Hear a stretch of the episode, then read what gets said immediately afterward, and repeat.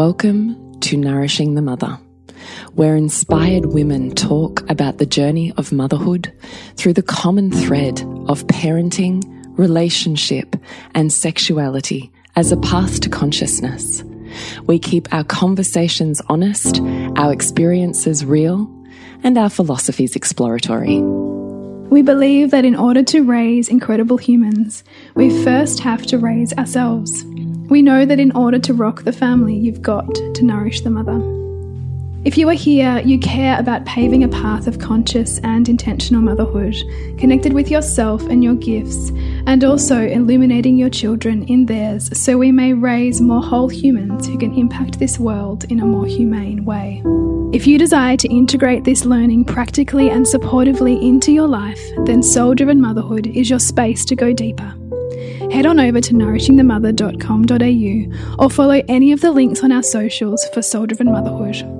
We are Julie Tenner and Bridget Wood, and we're so grateful you're here. Hello, and welcome to Nourishing the Mother. I'm Bridget Wood. And I'm Julie Tenner.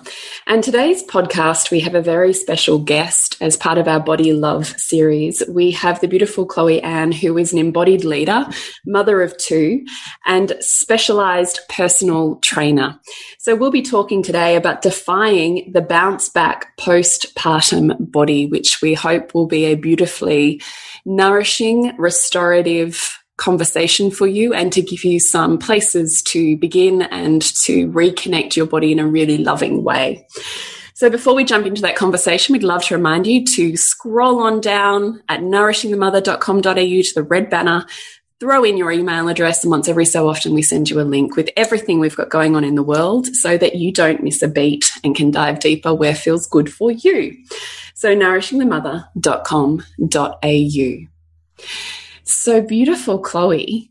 Would you just like to say hello before we introduce you more formally? Hi, thank you so much for having me on. It's such an honor to be here. We are so thrilled to have you here. So, Chloe Anne is an embodied leader, mother of two, and qualified personal trainer. She is a feminine energy that runs wild and free, creating a ripple of love and change for women becoming mums for the first or tenth time. A beacon of there being another way to heal, recover, and become physically strong after birthing a child, Chloe is leading the way in body acceptance and healing through movement. She is more than just your ordinary personal trainer. Chloe is here to help women feel seen and heard in their motherhood, to show them that feeling great is more than body size or shape, and to go rogue on the whole fitness industry.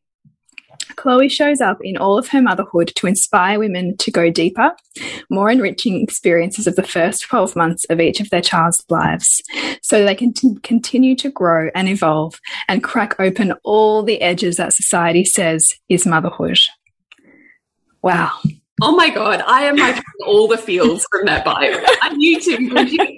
yes. I'm like, oh my God, I'm just lit by reading your bio. I know. How amazing is that? What a gift. Like even just hearing that, I imagine for our listeners, the same as it was for me, felt felt this relaxation in your body go, oh, like I just think that is what we get to listen to and where we get to meet our body and and how we move in it and with it. So what a gift. Thank you, Chloe. You're so welcome. So I'd love to begin by let's just talk about our title. So defying the bounce back postpartum body, because essentially what our culture esteems as the pristine version of post motherhood is bounce back, get back, lose the baby weight, be like you were before. Mm. What do you think about that? Oh my goodness. It's near on infuriating for me to hear people talk about it like that. Um, I'm a personal trainer. My baby is four months post, uh, four months, four and a half months old. And my exercise regime looks woeful.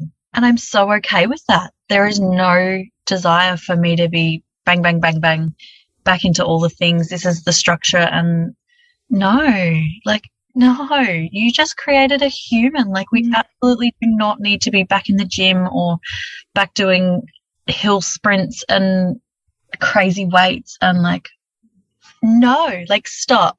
No. Um, I've had conversations with women before where they they say to me or they you know are sharing on social media that they had their baby six weeks ago they had their six week checkup with the doctor which is if you say that you're fine the doctor's going to be like yeah you can exercise. They don't actually know whether you're physically capable of exercising mm. um, unless you go and see a pelvic floor physio so a specialist um, yeah. they do um, an internal exam and actually like suss out whether you're actually capable of exercise or like what what kind of rehab you need to be able to get back to exercise. Um, I think coming back to exercise after and any kind of movement, walking included, um, requires some kind of rehab format. It, it's not an injury. We've just created a beautiful baby, but for our body, it's recovering like we've had an injury, essentially. It's a really blunt way to talk about birthing your child. But I mean, if you've had a C section as well, it it's major surgery. Like I love that we've opened with this because for many women, they will have internalized the bounce back more than they've internalized your body has just grown a human. Your body has just rearranged its organs to grow that human. Your pelvic floor has just gone through the biggest stress potentially of your life. But none of that's part of our regular conversation. It's a how quick can I be what I was before? Right. Not to mention, on top of that, have you had an episiotomy? Have you had issues that have stretched and broken and you have restoration and healing to do there? Are there stitches? Have you had a cesarean section that's cut through every layer of your mm. abdominal surface and an organ that you need to heal from? So could we just diverge a little bit into what does rehab look like for a C-section and for a vaginal birth, Chloe, in terms of what do women need to be tuning into? This is my checklist before I start going. Now I'm ready to exercise. Are you able to sort of do a what you would look for with your clients? Yeah, definitely. So I've had both a C section and um, a normal delivery. Um, and for me, they were both very different. I didn't go back to exercise until about six months. It took me a really long time to get any kind of strength back. Is um, it post your C section? Yeah, so post C section, it took me a really long time to get any kind of strength back. Um, and can we just like side note and add on that we're not getting very much sleep either. Yeah. Like, and sleep is where we restore, right? Yeah, exactly. Um, and it, oh, it, it razzles me so deeply. Um, after a C section, my biggest thing would be you don't need to rush to go out and be taking, you know, walks with the family and you know, anything other than a flat walk, you know, eight weeks after having a baby is, you know, more than enough. Like your baby, like if you've just had major surgery, that's only eight weeks major surgery. That's not very long. If you'd just broken your leg and had surgery on your leg, you're not going to be going for a gentle walk eight weeks post breaking your leg. Mm. And I think it needs to be looked at in a similar aspect. Um, in terms of reverence we give the recovery process. Mm, yeah, yeah, it's lost that that beautiful. I've just birthed this beautiful human into the world. I'm just going to sit and relax and let my body chill. Um, but circling back, um, post Caesar, I would be recommending that you take your time. Just enjoy being in your baby baby bubble. Like there is no rush to get back to exercise. There's no rush to to come back to this idea of bouncing back. We don't bounce back. Your body will, will actually literally never be the same.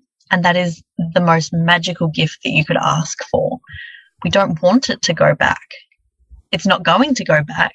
And so culture talks about this bouncing back idea and we have it, we have internalized that into being our responsibility to do something that we can't actually do. Our bodies aren't physically capable of doing that. Um, and then, like I mentioned before, going and seeing that that physio and going and seeing a pelvic floor specialist is just they can give you the advice that you need specific to you and specific to your single body rather than a six week blanket doctor checkup I'm quite sure that 95% of them look the same. Mm. Um, and really taking the time in that postpartum, whether you, no matter what kind of birth you've had, taking the time to really tune into what your body's trying to tell you. I think that is really important too, because if something's not quite right, tuning into your body is going to make a big difference. Um, I had to go back to hospital personally at five weeks postpartum um, because I was still really heavily bleeding. And if I wasn't tuning into my body and taking the time to listen back into that, I wouldn't have known that something was so wrong. Um, and even if you've had a pretty straightforward natural birth, like I did second time around, I would still be saying the same thing. Like you might be able to start gentle flat walks a little bit earlier. Um, and you know, some gentle lightweight, um, weight movements. But everything that you're doing in those early days is still gentle breathing, gentle, um, stretching, um, super dialed back versions of your like standard kind of exercises. So your squats and your deadlifts, um, and some core work. Like it's the very basic versions of those. Um, and I think that they don't get pulled and stripped back down enough. Um, I think that really gets missed. And that's something that I've done a lot of looking into because that's the phase that I'm in too. Like, I don't talk about this stuff from stuff that I have read necessarily. It's stuff that I'm working out and experiencing and doing as I go along, um, and working out what does and doesn't work, and and talking to other other experts in the industry and saying, you know, how can we strip this back more? Like, how can we make this feel better for women in that really fresh period? Because on top of trying to find your way with movement and exercise, society's cramming down these ideas that you have to do it differently and faster and it has to look different to how it does. Like, I think it's really important that everything just gets stripped back, whether you've had a, what, like, again, no matter what kind of birth you've had, it needs to be stripped down to those very basics and it needs to be slow. Um, I know I've said to Julie before that I've seen, you know, people share on Instagram and other social media that they're back in the gym I think it might have even been one particular person was like four or five, maybe six weeks postpartum back in the gym. Um, like, oh my goodness, the gym is not where you need to be that early postpartum. Like, it just, even if you're feeling good, your body's not there yet. Your internal structures aren't there yet. Even if you're feeling really good on the outside, it's just, I can't stress enough how much we need to take away that internalization of the bouncing back concept um, and be like, no, I, I want to bounce forward. I want to move forward. My body is ready to create magic with the things that it's just done rather than where it's been. Mm. So I that that conversation, I mean, you, you really seem to embody it well, that sense that you're not going to bounce back. You're never going to go back to that body that you had before. No. But I imagine for some women, there's an enormous grief and perhaps rage or anger at that, and a crushing of a fantasy when they begin to see the truth of that for them. How do you guide women when they really struggle with that reality? I think finding the gratitude in the little things is super important, like the gratitude in in the like in holding your baby and holding the baby that you grew and really like structuring your thoughts to be around that. Um, and i think on your thoughts itself catching those thoughts of um, my body's now not good enough. I you know i used to be so much prettier and thinner and you know now i have all these stretch marks. And just picking them apart a little bit and just recognizing that they're there, that they're there and sending them the love that they deserve because it's okay to feel that way. It's okay to grieve that body. Um, it doesn't, you don't need to attach that it's a bad thing to grieve that body. Um, that body served you well at a certain point in time. Um, and now the body that you have currently is serving you well. You're not going to have the same body all the time. You're not, your body is forever changing. And I think society also sets you up that the body that you had when you were a teenager is the desirable body. Um, for me personally now, the body that I desire is not the teenage body that I had. Um, I desire a body that is strong and capable and helps me with my everyday life with my kids and um, that I can build muscle on. Um, for me, I love building muscle. That's something that really drives me. Um, but I think just being kind and recognizing those thoughts and also allowing the space to grieve the body that you feel that you've lost, even though it may not necessarily be a loss. I think creating some kind of ritual for yourself to grieve and honor all that your body did post whatever number baby you've just birthed into the world. Um, and giving yourself full permission to feel that and then just noticing the thoughts that you have moving on from that. Mm. Just to bring us back to the exercising post birth, do you have um, thoughts on what women can mentally self check with whether they're ready for exercise, what signs there are. Okay, I'm ready to do more, move harder, go back to some type of more intensive training that feels really good for me versus the checklist of these are the signs your body's not actually recovered and ready yet. Do you have like a clear sort of pathway that women can consider with both? Yeah. So like a more personal one that you can kind of do in your own head. Is that what you mean? Yeah. Yeah. Yeah. Yeah.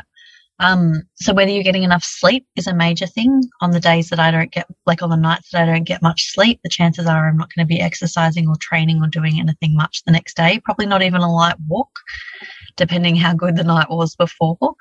Um, so really taking into account whether you're sleeping or not. Um, I think that's a major factor for really pushing yourself with exercise. Um, what else is there? Taking into account that you need to start those movements slow and really steady and very short workouts as well. Um, they don't need to be long and extensive and lots of different exercise. Like keeping it really short and really simple and really tuning into your body to any kind of niggles or something that feels a little bit off. I think tuning into those niggles and what really feels off is your best, your best guide, your best bet. Um, to start slow and then to just listen to those niggles would be my best kind of guide. Are there signs in particular where you go, your body is not ready for that level of intensity? Yeah, so for me, my stoppers have been any kind of internal abdomen, pelvic floor kind of feelings. Um, rather than, you know, oh, that feels a bit twitchy in my arms or that kind of thing. So more of a, an internal deep belly kind of feeling, um, and tuning into that kind of area if something's feeling, um, uh, what's the word I'm looking for? A little bit off. Um, yeah, tuning into that area. Yeah, heavy, um, like something isn't where it's supposed to be. Um, yeah, yeah, that off heavy feeling. I think you've. I think that's the word I'm looking for, Bridgie. So, with speed, because you've mentioned that a few times, are you able to give us an indication on this postpartum mm. idea, how much, how often, and how long that exercise looks like?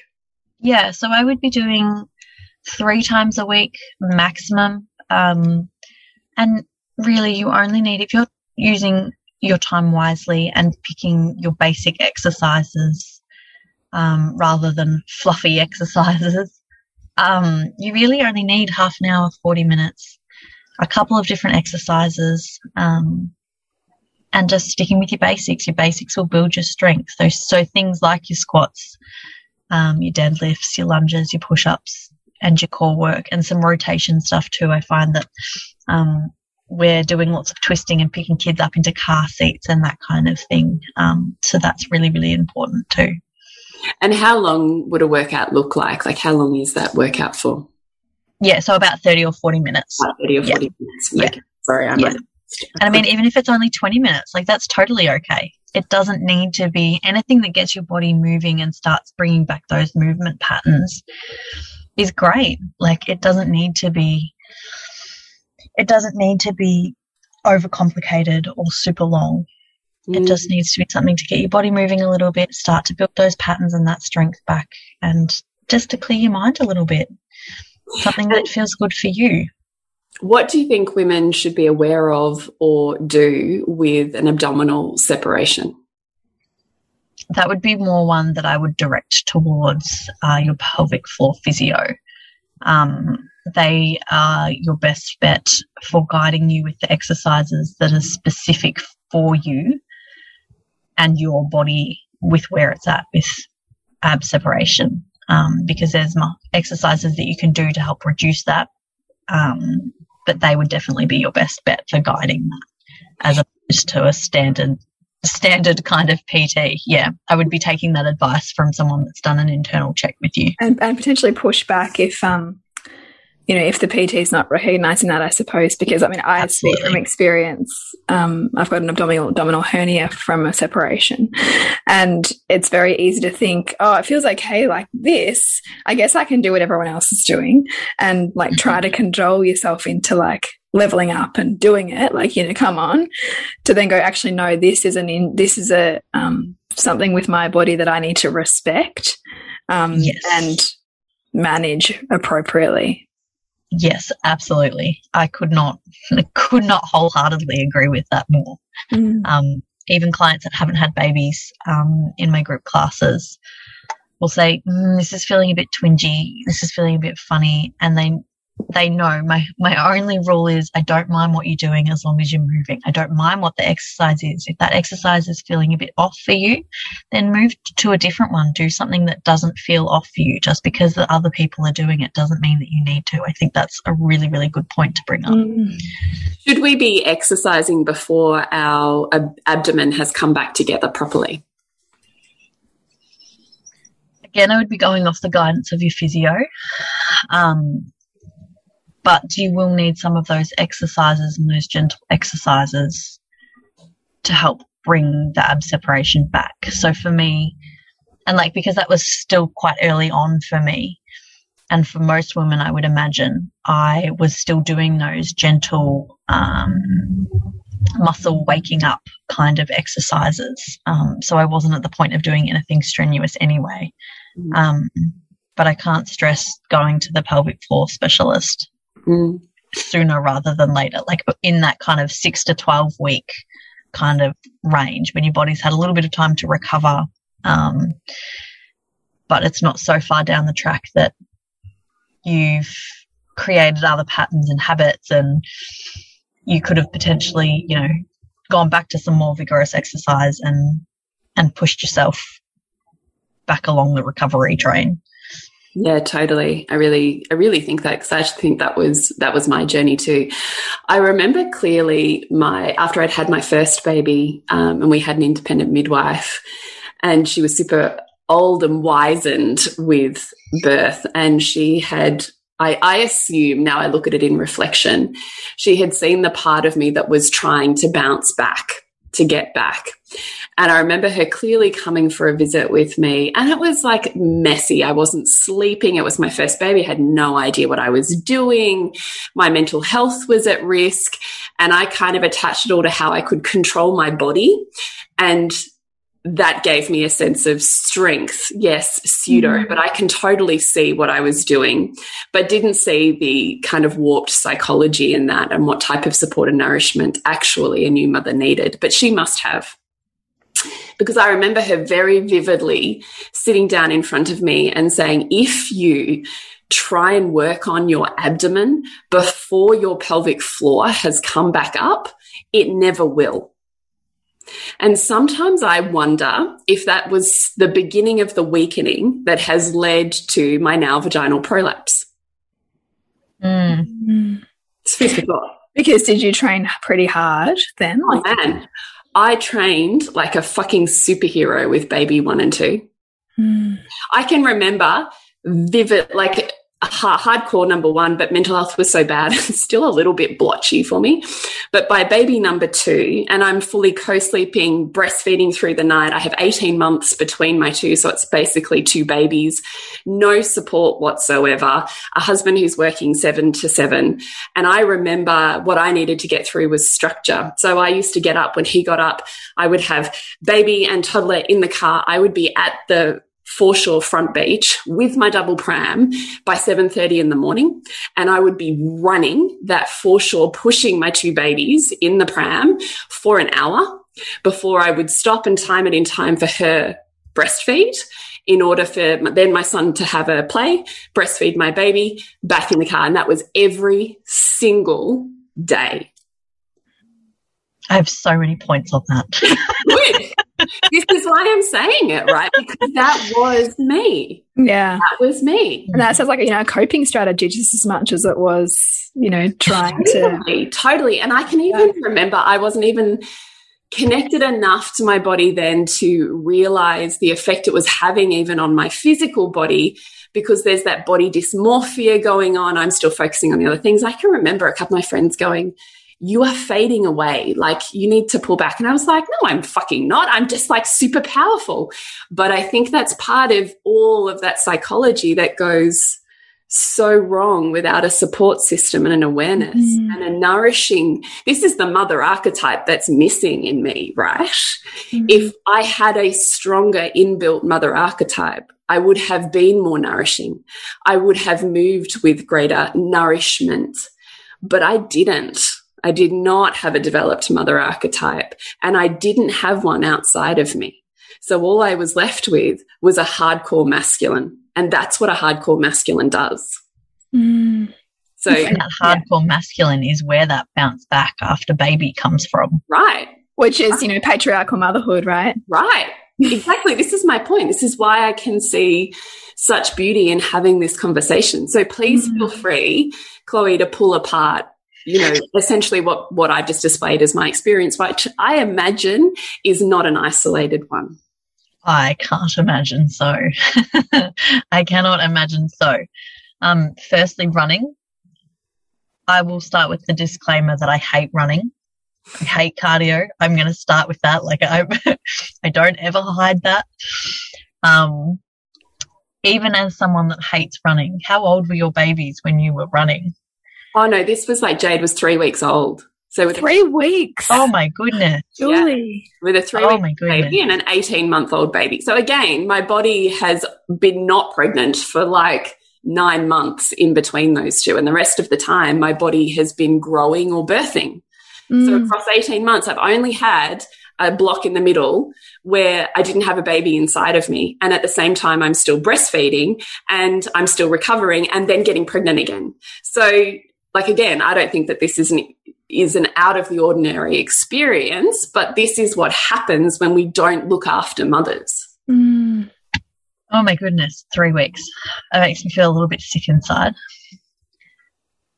I think I'd even be iffy about going back to running at like six months postpartum, never mind three weeks. Like I still don't get on the trampoline with my toddler because I'm like, oh, do I really want to be bouncing like that yet? Um, yeah, the impact of running and the up down and what it would be doing to a pelvic floor that is already so weak and trying to keep your insides inside. Yeah. like, is just, yeah, yeah. The running on its own is just makes me cringe cringe hard, Jules. Cringe hard. No, this is why I think it's um, a really, I mean, a super vulnerable conversation for me to have, but I think super important because yeah. I imagine, I mean, as Bridgie and I say all the time, half of our listeners are Bridgie esque and half of our listeners are me esque, which means yeah. half of our listeners will have a beautiful mother archetype like Bridgie because that's been a blueprint. And half of our mothers will have a completely absent mother archetype which is me. And this is the result of that. This mm. is the mm. uncare of postpartum because there is no blueprint that exists inside of you for care and nourishment of your mm. physical body mm. or the vulnerability and the healing. That that is that is a feminine state of being in the body and the mind. Which if you don't have that and you haven't developed it and you don't have a system outside of you that does, it doesn't exist within you. Mm. So tell me, Chloe, what you would have done with me if you had seen me there on that beach. Whooped your ass, probably, with all the love. what would that have looked like? What conversations would you have had with it me? would have started with a giant hug that's that says you, you are absolutely enough just how you are in all your mess and magic right now. You don't need to be trying to be doing more and achieving more and like look at what you've already just achieved. Like that's so beautiful even in itself. Like give yourself that beautiful space and capacity to heal. Even with a small toddler there is still i know there's been conversations in my world about how i can pull in more support um, in an already quite supported space. How can i pull in more? Like i'm grateful for that but how can i have more um, and building that support so that you can learn more and you can nourish your body and you can give it all the things that you need. Um, but to that Julie that's running on the beach at three weeks postpartum with her, her two tiny babies, like, it's okay. Like, you don't need to, to bend to that masculine system it's okay to sit in your messiness. Like you are absolutely enough how you are. Like, oh, it's making me feel all like, oh, yeah, fluttery on the inside. What would you say to her about her body? Because I can see that that hardcore exercise is also a result of I have completely lost my identity because there will be a huge part of me that mm. was defined by, which again is very patriarchal, and the objectification and all of the ways in which we look through the male gaze at our own bodies. Mm. I can see that all of that is the blueprint for that. I've lost my identity. I'm unseen and invisible in this world because I'm now a full time mother. And how I can get that back is to still be beautiful in the world, to still be appreciated and have an identity that feels intact for me based on how my body looks and is responded to. So the second you lose that, you're like, I've got nothing like, mm. I? so I can see the psychology of how I was there. Absolutely.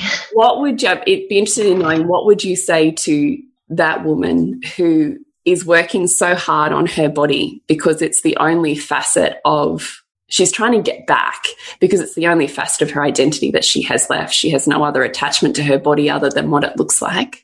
And it's all that she can control as well. I mean, I was going to say, read my mind. Cracking open of motherhood and, you know, realizing what you can't control with your babies. Well, you can control this vessel to a degree. Right. And often it's the body that, like, I mean, coming from a background with eating disorders, like, when the rest of life is out of control, I could control that. Like, that's a controllable variable. And for so many people, if not 99.98% of them, our bodies is the part that suffers because that's the bit that we can control. Um, I like going through COVID. I hate to think how many bodies suffered because we couldn't control anything through COVID, but we had control of our bodies. Um, I just,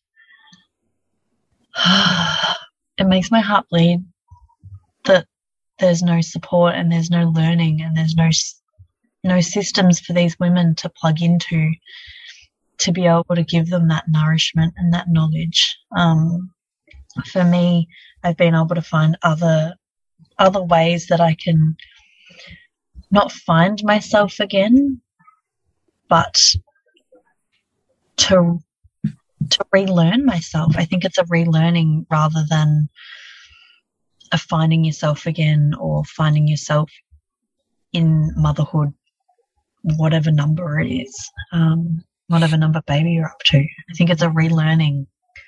How do you teach women how to relearn with a sense of love and nourishment when that is largely absent and how they connect with their bodies through how it looks and through the punishment of if it's hurt enough, it's done enough? Yeah, so I think working through um, uh, how do I get my thoughts out around this? I think the biggest way that I can help women connect back is is giving them the permission that they need, that it doesn't have to be a bounce back and that it doesn't have to be done straight away. Like you can take your time and giving them the structures that they need for their movement to still be like for them to still be doing something in their movement, but to be doing it in a way that that is part of that rehab process. Um, and to be able to really check in and do so many of the things that you both talk about um, on the podcast and in your other learning platforms. Um, really like taking a look at those thoughts and just being kind to yourself. Like, I know for myself, a practice that I did, especially first baby, um, was after I would get out of the shower, I would stop and I would look in the mirror, which is really confronting after you've just had a baby butt naked in the mirror. It's, it's really confronting. And I've had clients say to me, Oh, I, I, I couldn't do that. Like, and I would say, you know, well, put on a layer of clothing and then try it. But looking at yourself in the mirror and, and really holding on to a part of your body that feels really challenging for you. Um, personally, it was my stomach, and I'm sure for so many other women, it's their stomach um, and holding on to that part and just sending it some gratitude, sending it some love, telling my stomach why I'm grateful for it, that, you know, it's, it's growing these babies and, and noticing the stretch, stretch marks and the loose skin and whatever else might be present, the, the change of skin color. Um, and really just thanking that and taking that in for how it is. Um, but practicing that over and over again so that it goes from a point of feeling deep, deeply confronting um, to just feeling so beautiful and natural. Um, I'm now at the point with that practice that I can just I can just send the thoughts where I need to. I don't need to necessarily be holding it. I don't necessarily need to be naked in the mirror. Um, I can just be like, oh, I'm feeling a bit off about this area today. Like, how can I, how can I help it? How can I send it gratitude. Um, but knowing as well that you can't, the concept of fake it till you make it isn't going to work because your body is so much smarter than the fake it till you make it concept. Um, I think that's great to a certain degree, but if you're just saying the words to say the words, your body will call bullshit. You're not going to start to feel better about your body. Um, and knowing that this body and how you're looking right this second is not forever. It doesn't need to be forever. I look at myself in the mirror now, four months postpartum, and go, yeah, I'm really grateful for where I'm at, but I also know that this isn't going to how going to be how it looks in another six months, and that's totally okay. It might be bigger, it might be smaller, it might have more cellulite, less cellulite, more less stretch marks. I mean, I'm breastfeeding my second baby. They're, you know, they're going to look different again. My breasts are going to look different. Um, and just being okay with that, knowing that our body is always moving and showing it the acceptance and the love that it and the respect that it so deeply deserves, but knowing that that doesn't happen overnight. My body and I have been on a, a deep journey for many years now, and having kids makes it makes it more worth it. It makes it, it gives you a driver that you don't want to pass those, those beliefs on to our kids. Um, because they mirror everything back to us. If we're, you know, I watch people around me that might hate taking photos because of how they might look in the photo and their kids don't like it either. Mm. They reflect that, that view back to them or, you know, the words that we use to praise our our children in their appearance. I think it's it's deeply important. And I mean, that in itself is a rabbit hole. Um, but I think just being patient and being kind and gentle and having practices like looking in the mirror and holding apart and just sending it that deep love makes all the difference. What is the difference between restorative and nourishing movement versus intense and punishing movement? Your mindset. It's all in your mind. If you're doing that exercise because you're punishing yourself and you're pushing super hard and your ego is in play there too, um, especially the ego that I need to be back where I was, you know, six months before I fell pregnant or whatever it might be. Um, but doing doing the movement because it's a punishment or because you ate that thing is so detrimental for your health. So detrimental. Like it's not even worth doing the exercise. Um, whereas if you're coming from a place of nourishment and love and care and and and soft strengthening, um, it looks like starting out slow and taking it really slow. So it looks down, looks like working on those breakdowns of the exercises rather than starting back up at, you know, if you're breaking the exercise back down to a level one, whereas pre baby or, you know, a level three or a four, you can, you can be kind and know that being at a level one is absolutely perfect and being at that basic beginner you wouldn't expect someone with a broken like that had a broken leg to go back straight away to doing you know your full squat. Like there'd be variations of that whether they be using a um, one of the exercise balls against a wall or something like that. Do you know what i mean? Like the way that you're thinking about those exercises alone is is the key difference and how you go about executing them. I think that's the biggest thing is whether you're punishing yourself or nourishing yourself with hard exercise that is is a punishment. Like it, it, it is it a punishment or is it because you want to feel good and and it feels good for your body not just you're doing it because you want to be doing the exercise and you're punishing your body for something you did or didn't do? Does that kind of answer your question? I think i circled around a little bit then no, I love that you brought it back to mindset, that it's not so much the activity, but more what is the mental state or chatter that you're bringing to that activity, is what I Yeah. And like, even back on the mindset point, like, if you're happy with how your body is, it doesn't matter what society thinks it looks like. It, it literally doesn't matter. If you're, I dare say the words BMI because they infuriate me. But that is a term still like used by doctors. Like if your doctor says that you're my poor clients, they had they went and they saw their doctor and one of them came back and said, Yeah, the doctor said I was obese and that I need to lose forty four kilos. You you what?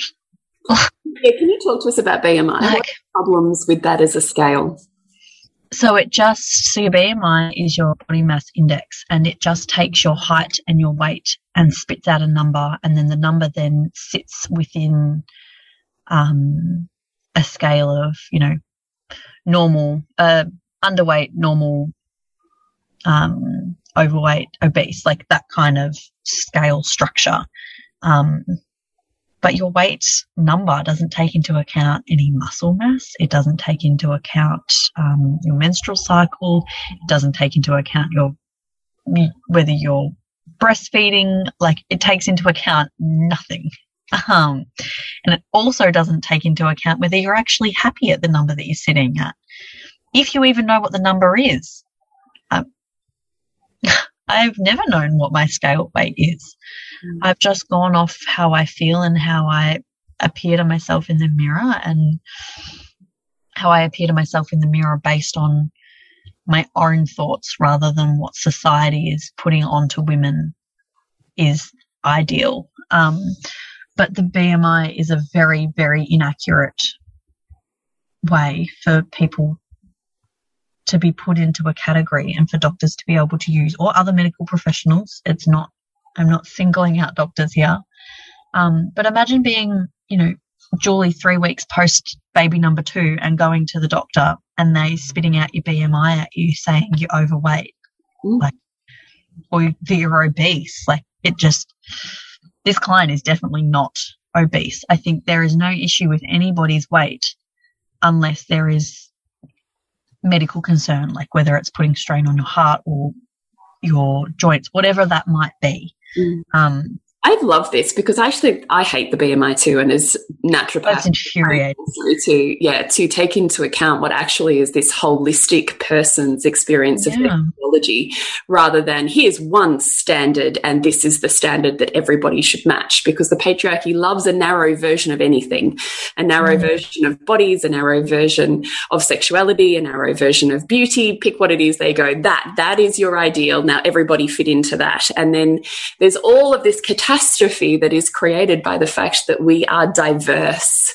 And what we've lost is the ability to be with diversity as it exists in form, in human bodies.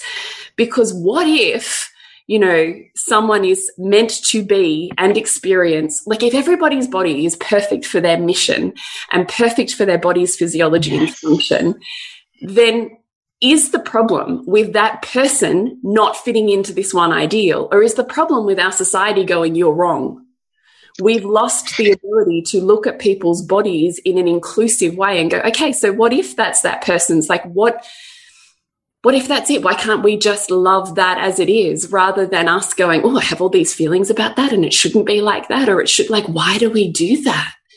The problem is with us if we have a problem with seeing that person wherever they are on that scale or just diverse experience of bodies. Like we've lost the ability to love the diverse experience of bodies because we would rather exclude than include as a society in general. And that is continuously reinforced.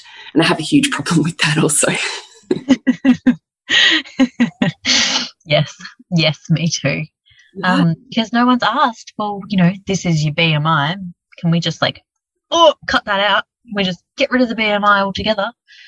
Um, because if you're not educated in your own body and how you feel and all the things, that is a really vulnerable place to put women. Yeah, it is. Really vulnerable place to put women. And um, it begins from birth because, I mean, even, you know, with the fixation on a baby's weight. Yes. Or, or you know, percentile. Percentile. You know, I had that how much of that is an expression of our body dysmorphia? Totally. You know, yeah. that begins at birth.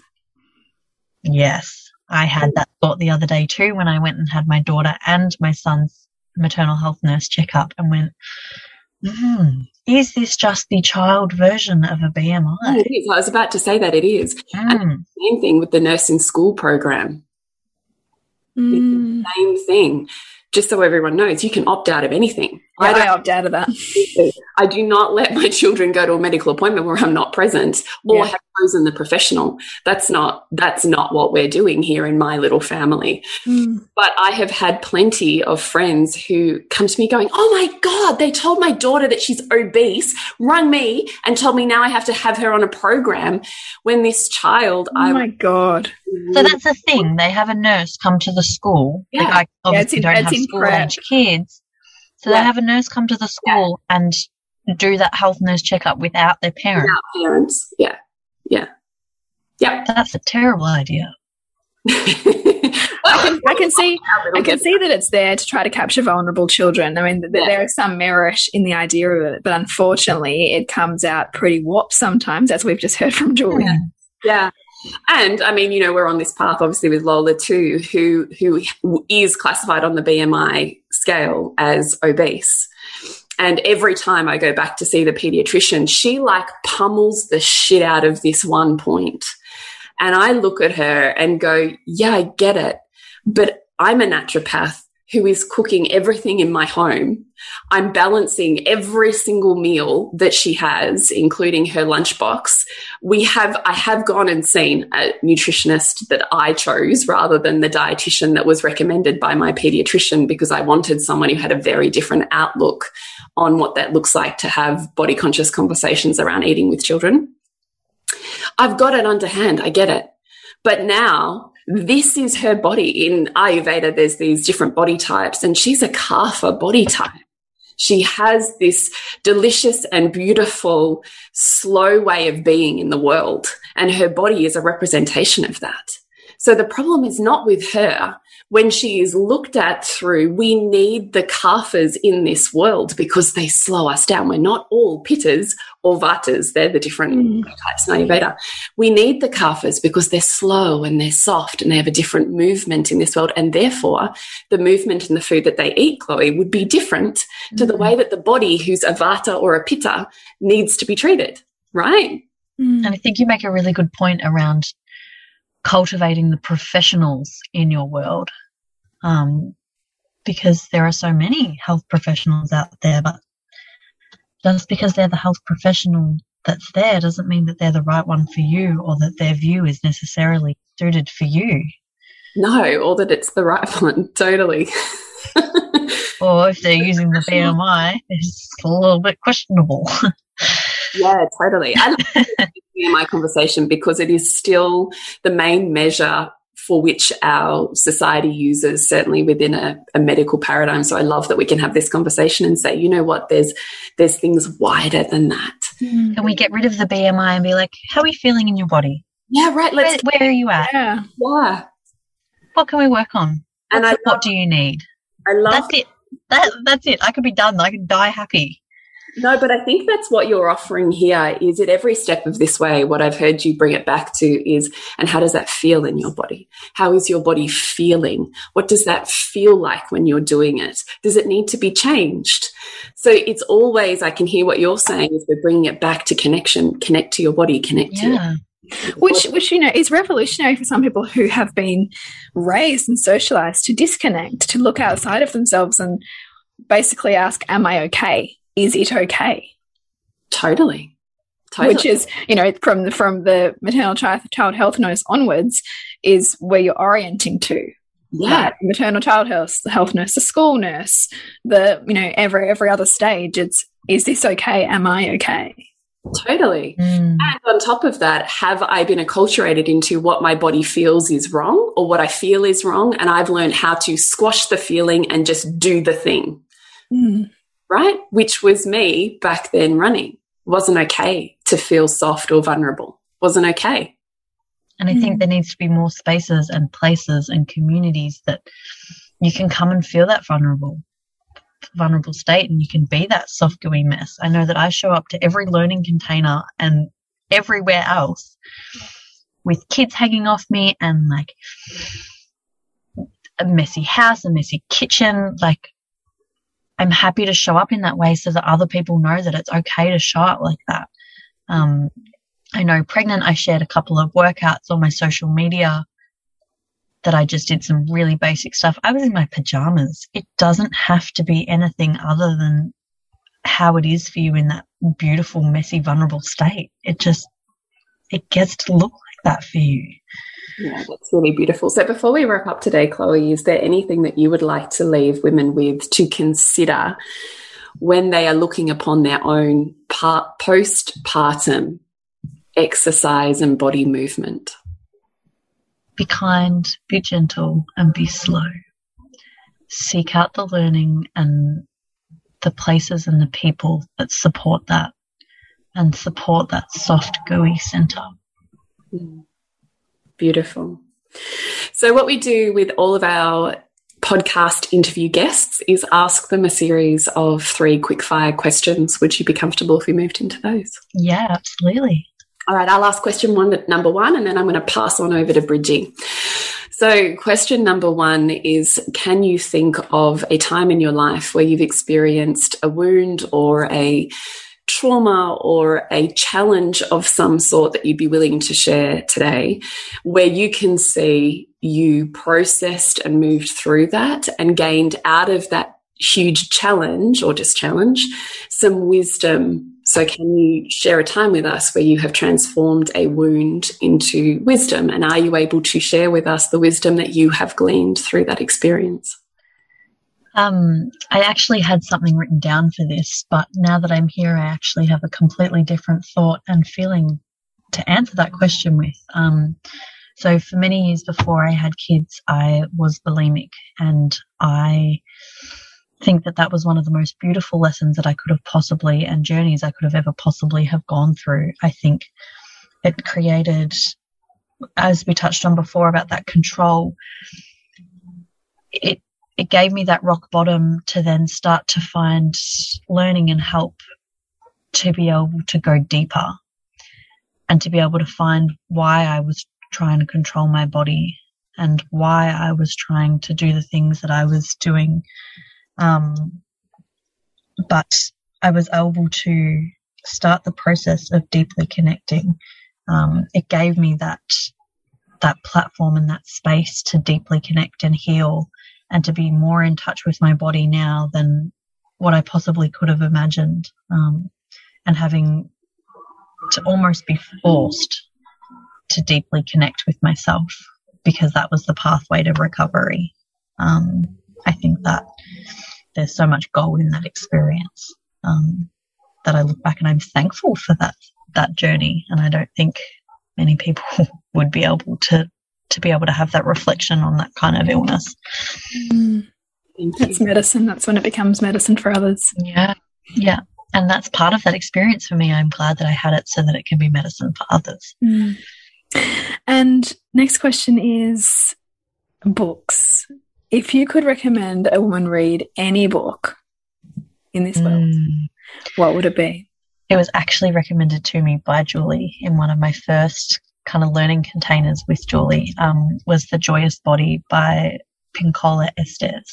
I'm hoping that I'm pronouncing her name right. Yeah, Dr. Pinkola Estes. Yes. Um, because she talked about the concept that um, the sky was a mirror, I think, in one of her stories. Um, and that the glass shattered and a little shard went into everybody um, and tainted our views on how we view each other and how we view each other's bodies um, and kind of put through that idea that you know that's not good enough you're not good enough your body looks like this your body looks like that. Um, but much more poetically much more poetically. But i think that book the joyous body is just absolutely divine and there is so much medicine in that book and so much deep thought can come from that book it's so true. It's one of my favourites too. So thanks mm. for allowing us to revisit that with you. Mm. And if you could have a billboard on any superhighway, what would it say? Someone else's opinion of you is a reflection of them and not you. That is one that goes through my mind all the time, taking that ego out of it and coming back to your own truth that mm. somebody else's opinion is theirs and not yours. Mm. Beautiful. That's really beautiful. So, Chloe will be coming into Soul Driven Motherhood in this week to run a restorative and loving practice of what an exercise might look like postpartum. So, if you're in Soul Driven Motherhood, you can look forward to that. And if you're not, get on in there soul driven motherhood you can find out about at nourishingthemother.com.au, Nourishing the Mother on Facebook and Instagram. But Chloe, we would love to know how to connect with you, how to find you, and what offerings we can connect for our own experience to move through with you. Yeah, beautiful. I'd love that. I'd love to hear from um, anyone that that really resonated with um, or that wants to dive deeper into those concepts. Um, so the best place to find me is on Instagram um, at Miss Chloe Anne.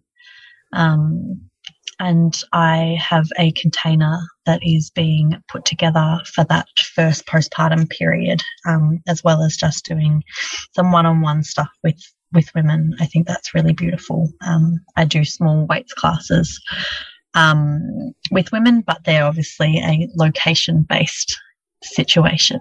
Um, but yeah, that one-on-one stuff with women, I think, is really beautiful. Um, and the container the Becoming Mama project um, to really facilitate women through that change and guide them through that slow, loving process.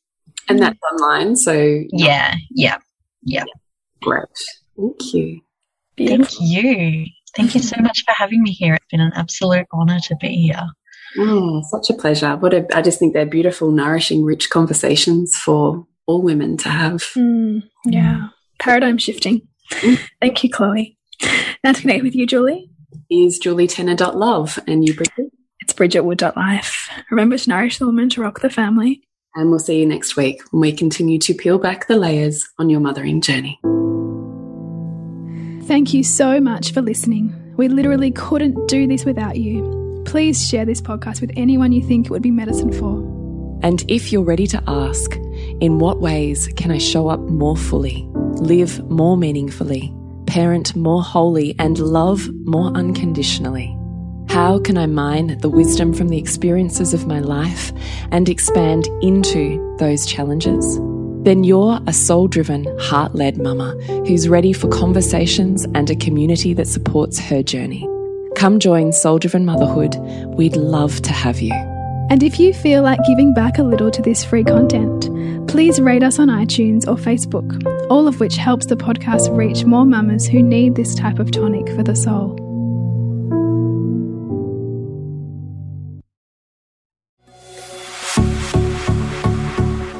This has been a production of TheWellnessCouch.com. Check us out on Facebook and join in the conversation on Facebook.com forward slash The Wellness Couch. Subscribe to each show on iTunes and check us out on Twitter.